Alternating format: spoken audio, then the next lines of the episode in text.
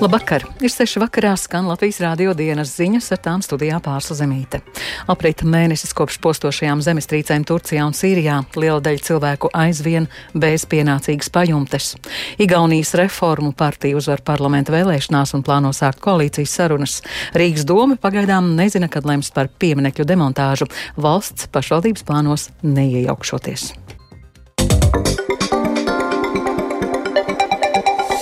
Smagākā dabas katastrofa, kas notikusi Eiropas reģionā gadsimta laikā. Tā pirms mēneša notikušā zemestrīces Turcijā un Sīrijā raksturojas Pasaules veselības organizācija. Turcijā zemestrīcēs bojā gājušo cilvēku skaits ir pārsniedzis 45 tūkstošus, Sīrijā dzīvību zaudējuši vairāk nekā 6 tūkstoši cilvēku. Liela daļa izdzīvojušo aizvien ir bez pienācīgas pajumtes. Turpina Rustam Šakūraus.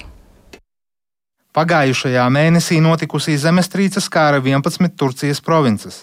Valsts amatpersonas paziņoja, ka zemestrīču rezultātā sabruka 214 tūkstoši ēku.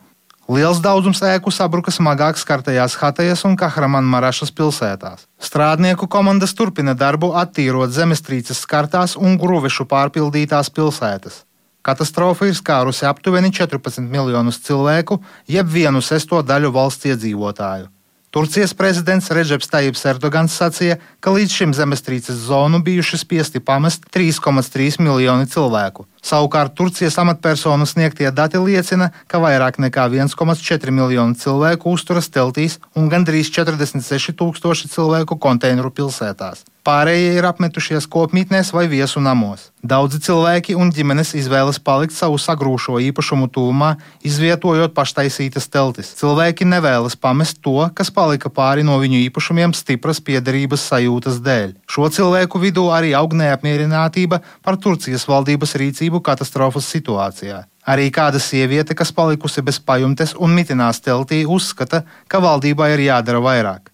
Su ihtiyacı çocuklarla ilgilensinler. Valdībai ir jāizmanto visi savi resursi, lai sasniegtu skartās teritorijas, un jānodrošina ūdens tiem, kam tas nepieciešams, un atbilstošas programmas, lai sakotu līdzi bērnu garīgajai labklājībai. Neapmierinātību un dusmas cilvēku vidū arī izraisīja ziņas par to, ka Turcijas sarkanais pusmēnesis ir par pašizmaksu pārdevis kādai no labdarības organizācijām daļu no nodokļu maksātāju finansētajām teltīm. Rustam Šukurovs, Latvijas Rādio. Tās pašas dienas vakarā, kad notika zemestrīce, valsts ugunsdzēsības un glābšanas dienas saņēma palīdzības lūgumu no Turcijas. Tur devās inspektore Kristīna Fedotova. Viņa kopā ar ekspertu komandu no citām Eiropas Savienības dalību valstīm sniedza atbalstu zemestrīču skartajai Turcijai. Eksperte nesen atgriezās Latvijā un Latvijas Rādio viņu satika. Tā ir salīdzinoši gandrīz vienmēr standarta komanda. Komandā vienmēr tiek iekļauts komandas vadītājs, komandas vietnieks, attiecīgi informācijas pārvaldīšana. Tie ir arī operāciju cilvēki, jeb šie reaģēšanas cilvēki, kas var vadīt vai koordinēt atbalstu dažādām komandām, kā šajā gadījumā tās bija meklēšanas komandas. Loģistikas eksperti tika arī nosūtīti šajā misijā, lai organizētu, piemēram, transportu.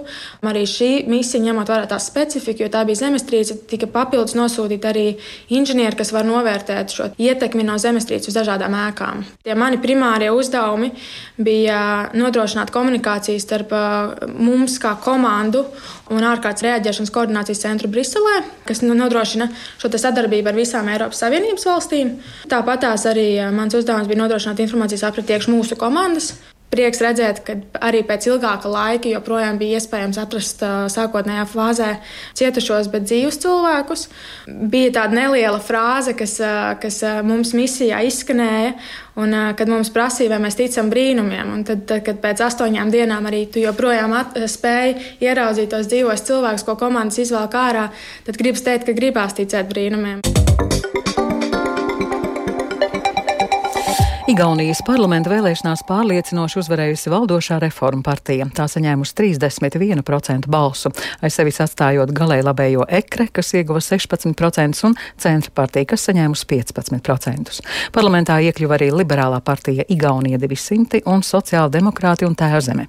Vēlēšanās piedalījās rekordliels vēlētāju skaits, no kuriem vairākums nobalsoja elektroniski.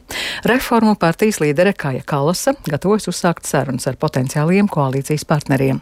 Latvijas Universitātes sociālo zinātņu fakultātes lektors politologs Veikos Polīts uzskata, ka kaimiņu valsts turpinās jau esošo politokursu. vairums Igaunijas vēlētāju vēlās liberāli labēju vai liberāli centrisku valdību. Šobrīd uh, premjerministra uh, Kajā Kalās ļoti skaidri pateica, ka atšķirībā no pagājušās ceturtdienas šobrīd ir iespējami četri koalīcijas varianti. Kuras tās būs, tas nav pilnīgi skaidrs. Šobrīd notiek konsultācijas visu partiju vidū. Vienīgā atšķirība ir tāda, ka atšķirībā no tā, kas notika četrus gadus iepriekš, tad uh, vēlējuši zaudējušā konservatīvā tautas partija nav apmierināta ar rezultātu un vērsusies ir Igaunijas augstākajā tiesā apstrīdot vēlēšanu rezultātu. Līdz ar to, tikmēr kamēr tiesa nebūs lēmusi, rezultāti netiks izsludināti un līdz ar to arī pēc Igaunijas satversmes eh, prezidents nevar uzticēt Kajā Kalas kā lielāko balsu skaitu saņēmušajai partijai veidot jauno kabinetu. Baltkrievijā Minskas pilsētas tiesa šodien attālināti piespriedusi bijušajai prezidenta amata kandidātei un demokrātisko spēku līderei Svjatlanai Cihanovskai 15 gadu cietumsodu. Cits trimdas koordinācijas padomas līderis Pāvels Latuško notiesāts uz 18 gadiem kolonijā, bet vēl trījiem padomas locekļiem piespriesti 12 gadu cietumā. Spriedumu vēl var pārsūdzēt. Stāstuģis Lībētis. Tiesa opozīcijas līderus atzinusi par vainīgiem sazvērstībā ar mēķi sagrābt varu valstī nekonstitucionālā ceļā, mēģinājumos izveidot ekstrēmistu grupējumu un to vadīt. Tāpat Cihanovska un viņas līdzgaitnieki atzīti par vainīgiem aicinājumos sagrābt varu un dažādos citādos veidot kaitēt Baltkrievijas nacionālajai drošībai. Komentējot šīs dienas spriedumus, Svetlana Cihanovska norādījusi, ka viņa domā nevis par tiem, kuri ir saņēmuši attālinātos spriedumus, bet par tiem, kuri pašlaik jau izcieš reālos sodus. Pēc viņas vārdiem, demokrātiskie spēki turpinās cīnīties par politieslodzītu atbrīvošanu, kā arī mēģinās novest valsti līdz demokrātiskām pārmaiņām. Neviens no pieminekļiem, kurus Rīgas pašvaldība iespējams pārvietos, nav valsts aizsargājamo pieminekļu sarakstā, tāpēc valsts pilsētas plānos neiejauksies. Rīgas domē pagaidām gan vēl nevar pateikt, kad lems par pieminekļiem, vienlaikus norādot, ka diskusijas par to būs karstas. Tikmēr sabiedrībā Rīgas pieminekļu padomes ieteikums demontēt vai pārvietot sešus pilsētas pieminekļus uztverts neviennozīmīgi. Runa ir arī par pieminekļu rakstniekam Andrejam Upītim, Kronvalda parkā un skulptūru rakstniecei Annai Saksei Gaujas ielā. Tie esot saistīti ar padomu laiku slavināšanu. Padomu atbalstīs arī Krievu dzinieka Aleksandra Puškina pieminekļa demontāžu Kronvalda parkā. Vairums Rīgas ielās aptaujāto cilvēku tomēr vēlas pieminekļus paturēt kā vēstures liecību par noteiktu laika posmu. Valdībā un tāda eksperta tādā līmenī, kad nepieņem tādas varbūt tās pārsteidzīgas lēmumus emocijā, bet nu, izvērtēt kaut kā netik strauji varbūt tās to visu darīt. Forši, kas saglabā vienkārši visus pieminekļus, vienalga vai latviešu vai nelatviešu, tāpēc, ka tā tomēr ir vēsture. Nu, tu jau arī visu laiku tu jau puķis cilvēki nes, viņi grib, lai tas to stāv. Tā kā es domāju, tas būtu nepareizi ņemt nost. Nav jānojauc. Tas bija tas laikmets, tie bija tie cilvēki vajag, lai cilvēki apzinās, jo pieminekļi jau ir principā daļa no kaut kā, ko mēs mācāmies. Kad man mazais ratos pēc pāris gadiem kas tas tāds izglītosies. Pērn par 17 līdz 18 procentiem pieaudzis ceļu satiksmes negadījumu skaits, kas izraisīti alkohola reibumā. Pagājušajā gadā reģistrēti 949 negadījumi, kad automašīnas vadītājs bija reibumā. Fiksēti arī 100 negadījumi, kuros izraisījis alkohola reibumā esošs elektroskrējriteņa vadītājs. Tas ir par 29 negadījumiem vairāk nekā 2021. gadā. Turpina valsts policijas satiksmes drošības pārvaldes priekšnieks Juris Jančevskis. Tas noteikti ir saistīts ar to, ka šie mobilitātes rīki satiksmē piedalās ar vien vairāk, ar katru gadu viņu skaits pieaug. Mēs esam secinājuši to, ka joprojām daudz no šiem vadītājiem neuztver to kā transporta līdzekli, bet uztver kā tādu atpūtas vai izklaides rīku. Un, uh, faktiski lielākā daļa no šiem simts negadījumiem ir uh, gadījumi, kad vadītāji paši krīt, cieši gūst miesas bojājumus, un liela daļa no tiem arī vēršās jau pēc notikuma medicīnas iestādē, no kuras jau policija saņem informāciju par šo apstākli un pēc tam jau uzsāk šo administratīvo lietvedību attiecībā pret konkrēto vadītāju.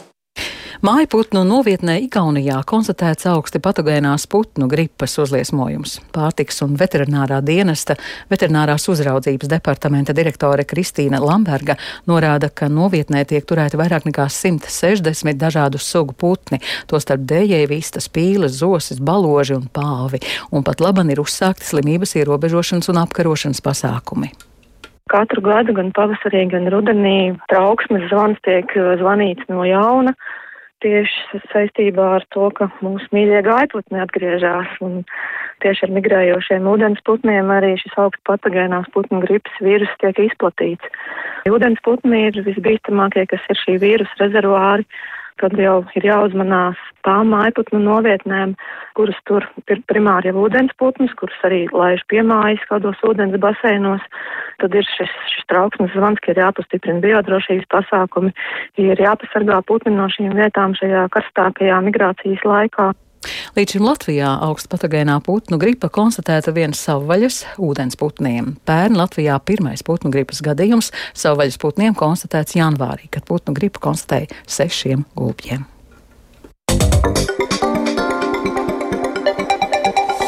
Un par sportu Latvijas Hokeja federācija šodien tīmeklī vēlreiz oficiāli apstiprināja, ka uz vietu vīru izlases sastāvā dalībai pasaules čempionātā Rīgā kandidēs hokeja uzbrucējs Kaspars Daugaviņš. Jāatgādina, ka hokejists vēl Pekinas Ziemas olimpiskajām spēlēm pavēstīja, ka karjeru valsts vienībā noslēdz. Vairāk par Daugaviņu atgriešanos izlasē stāsta Mārtiņš Kļavinieks. Ilggadējā valsts vienības kapteiņa un līdera Daugaviņa atgriešanās izlasē nav pārsteigums, jo kulāros par to aktīvi runāja jau kopš pagājušā gada rudens. Lai gan šodien ar oficiālu paziņojumu to sociālās saziņas vietnēs apstiprināja federācija, Latvijas radio par atgriešanos ziņoja jau vairāk kārt šī gada pirmajos divos mēnešos. Februārī Daugaviņa piekrišanu atkal palīdzēt izlasēja Latvijas radio ēterā apstiprināja gan Hokeja federācijas ģenerālsekretārs Roberts Pļāvējs, gan komandas ģenerālsekretārs ģenerālmenedžeris Rudolfs Kalvītis.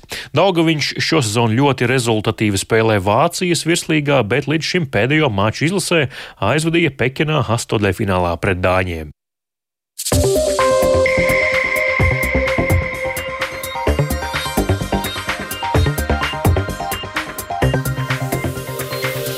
Un ar to izskan Latvijas radio dienas ziņas producents Viktors Pupiks, ierakstus montēja Kaspars Groskops, par labskaņu rūpējās Katrīna Bramberga, ar jums runāja Pārsla Zemīte. Vēl īsumā aprit mēnesis kopš postošajām zemestrīcēm Turcijā un Sīrijā liela daļa cilvēku aizvien bez pienācīgas pajumtes. Igaunijas reforma partija uzvar parlamenta vēlēšanās un plāno sākt koalīcijas sarunas. Rīgas doma pagaidām nezina, kad lems par pieminekļu demontāžu. Valsts pašvaldības plānos neiejaukšoties. Un vēl par laika apstākļiem.